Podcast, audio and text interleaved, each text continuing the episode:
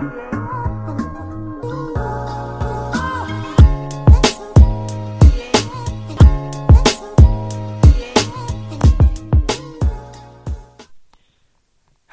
di sini Jeffrey dan kali ini kalian sedang dengerin podcast pertamaku.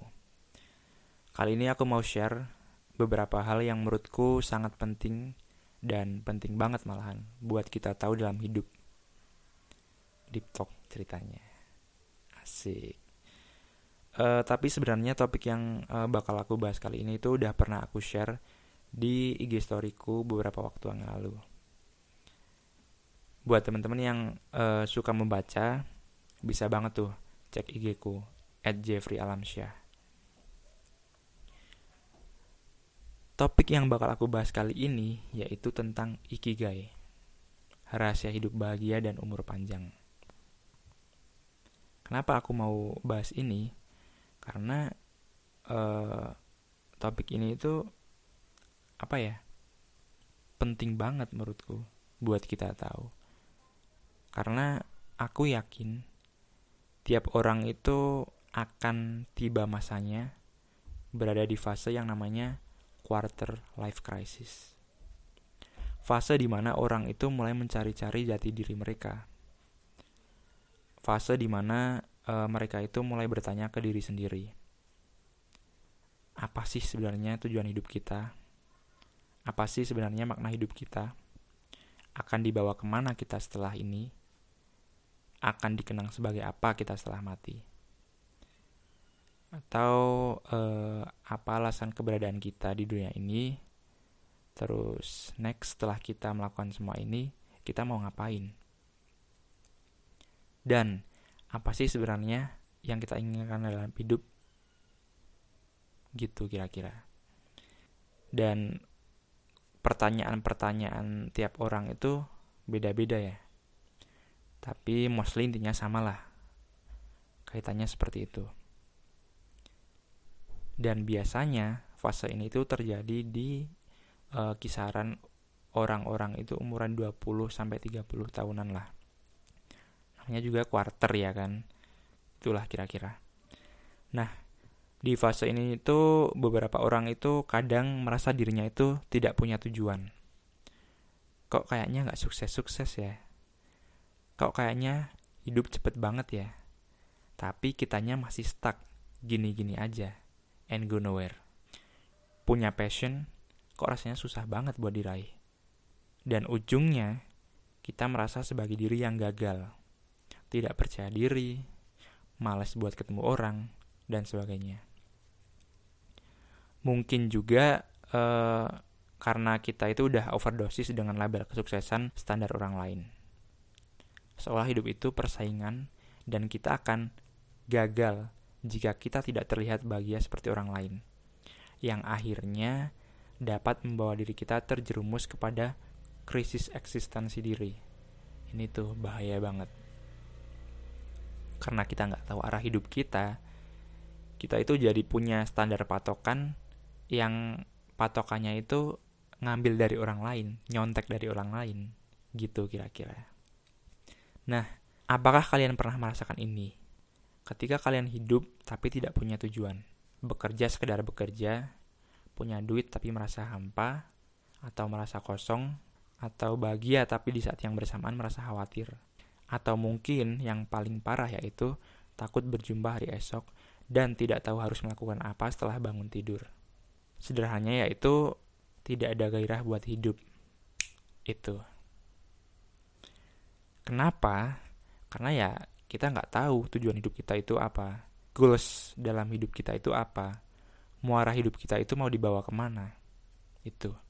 Nah, buat teman-teman yang pernah ngerasain itu semua dan bertanya-tanya ke diri sendiri, sebenarnya apa yang kita rasakan itu wajar nggak sih? Apakah ada yang salah dengan diri kita? No, that's normal. Dan itu problem banyak anak muda zaman sekarang. Sebenarnya nggak cuma zaman sekarang sih tapi ini uh, problem yang dihadapi oleh anak-anak muda pada umumnya yang biasanya dihadapi ketika mereka berumur hmm, 20s lah 20-an 20 uh, menuju 30-an lah itu nah intinya nggak usah takut kali ini aku kasih obatnya ada satu kata yang dapat merepresentasikan dan mungkin bisa menjadi jawaban atas pertanyaan-pertanyaan kita tadi, yaitu ikigai. Apa itu ikigai? Ikigai adalah istilah yang berasal dari Jepang. Ikigai sendiri itu memiliki makna yaitu alasan untuk hidup atau purpose of life. Apa yang membuat kita semangat buat bangun di pagi hari? Nah, itu purpose of life. Nah, hopefully Ikigai ini bisa menjadi jawaban atas semua pertanyaan-pertanyaan tadi. Sehingga teman-teman semua itu bisa tahu arah hidup kalian itu mau dibawa ke mana. Dan kalian bisa menemukan arti keberadaan kalian di dunia ini.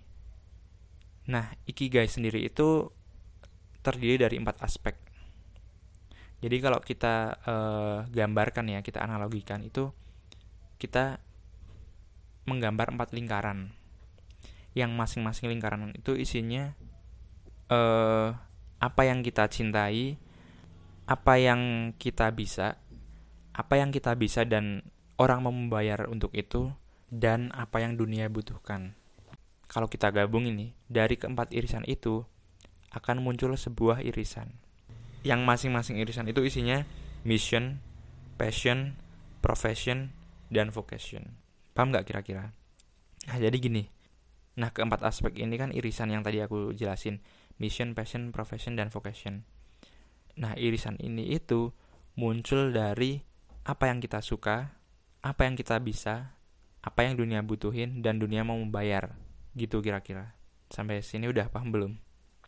Nah, pokoknya biar kalian bisa mengimajinasikan gambar itu kira-kira kayak gimana, uh, better kalian cek di Google deh. Apa itu Ikigai? Nah, jadi kalau kita mau menemukan ikigai, kita harus bisa menemukan keempat aspek tadi yang udah aku jelasin. Ketika apa yang kita cintai bertemu dengan keahlian kita, itu dinamakan passion. Ketika ada yang mau membayar apa yang kita bisa, itu dinamakan profesi. Ketika ada yang mau membayar kita dan dunia membutuhkannya, itu dinamakan pekerjaan. Ketika apa yang kita cintai bertemu dengan apa yang dunia butuhkan, itu dinamakan profesi ketika apa yang kita cintai bertemu dengan apa yang dunia butuhkan, itu dinamakan misi. Nah, kalau kita hanya memenuhi salah satu dari aspek tersebut, yang terjadi adalah uh, mungkin kita bahagia tapi kita bokeh, iya kan?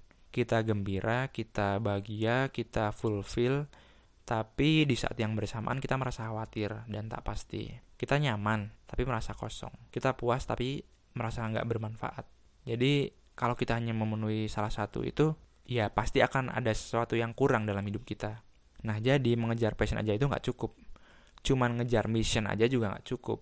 Profession apalagi, vocation apalagi. Dan passion itu sebenarnya nggak melulu dalam satu bidang, like music, sport, or anything. But passion itu bisa juga sebuah aksi atau uh, sebuah apa ya? Uh, kalian ber, bisa bermanfaat buat orang lain itu kan juga passion atau anything lah whatever you do yang penting sesuatu yang apa ya menggairahkan kalian bisa menjadi orang yang bermanfaat kalian bisa menjadi orang yang uh, bisa membantu sesama dan sebagainya. Itu kan bisa juga dikatakan sebagai passion. Nah makanya passion itu sebenarnya bisa berubah-ubah. Nah kalau kita cuma ngejar passion tapi kita nggak punya mission once kita ngerasa nggak guna. Begitu juga kalau kita cuma ngejar passion sama mission kita harus realistis coy. Bahwa dalam hidup itu kita butuh duit. Emang kita mau makan pakai apa kalau nggak ada duit? Iya kan? Pakai rumput nggak mungkin lah. Atau kita mengerjakan apa yang kita suka kita punya misi tertentu tapi kita bokeh susah juga coy nah kalau kita fokus di vocation what the words need atau apa yang dunia butuhkan tapi kita ngerjainnya ogah-ogahan kita malas-malesan pasti kita ngerasa kosong iya kita dapat duit kita nyaman tapi money just give happiness in short term coy. Nah, kira-kira seperti itu. Terus pertanyaannya, gimana caranya kita menemukan ikigai dalam diri kita? Yang pertama, catat nih, penting banget. Yaitu kenali diri kita. Seringkali kita itu tidak mengenal diri kita sendiri. Banyak orang itu terlalu sibuk menghidupi orang lain. Dan akhirnya kita nggak tahu siapa sebenarnya diri kita, tujuan hidup kita, dan nggak tahu arah hidup kita mau dibawa ke mana. Yang kedua adalah cobain banyak hal baru. Kita harus berani mencoba hal baru. Karena kita nggak akan tahu siapa diri kita, kalau kita tidak mencoba hal baru. Dengan mencoba hal baru, mungkin kita bisa tahu apa yang kita suka, apa yang nggak kita suka, atau mungkin kita jadi tahu apa yang sebenarnya kita mau atau nggak kita mau. Yang ketiga adalah keluar dari comfort zone. Kalau kita berani keluar dari comfort zone, mungkin bisa jadi ini akan mendewasakan kita. Kalau kita cuma mengejar apa yang kita nyaman, kapan kita belajar coy? Kapan kita berkembang?